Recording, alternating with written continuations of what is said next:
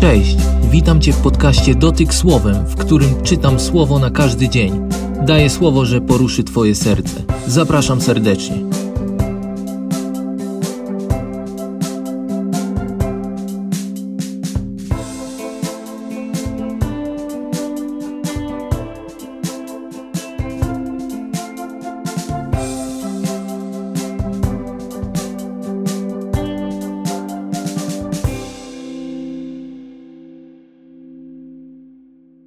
Dzisiaj chciałbym się skupić nad taką jedną bardzo ważną kwestią, a mianowicie nad cnotą pokory. Pokora jest bardzo ważna w życiu każdego człowieka i pokora zbliża do Pana Boga. Pokora jest budowana przez regularną Eucharystię.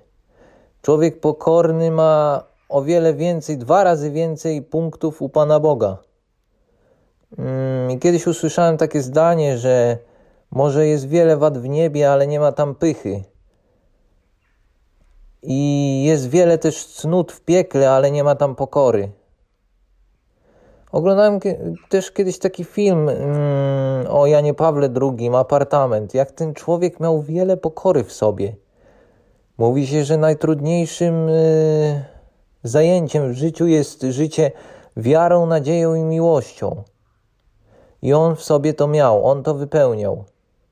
Był bardzo pokorny i bardzo oddany Bogu, i to zaprowadziło go do świętości. Każdemu życzę, żeby został świętym tak jak Jan Paweł II.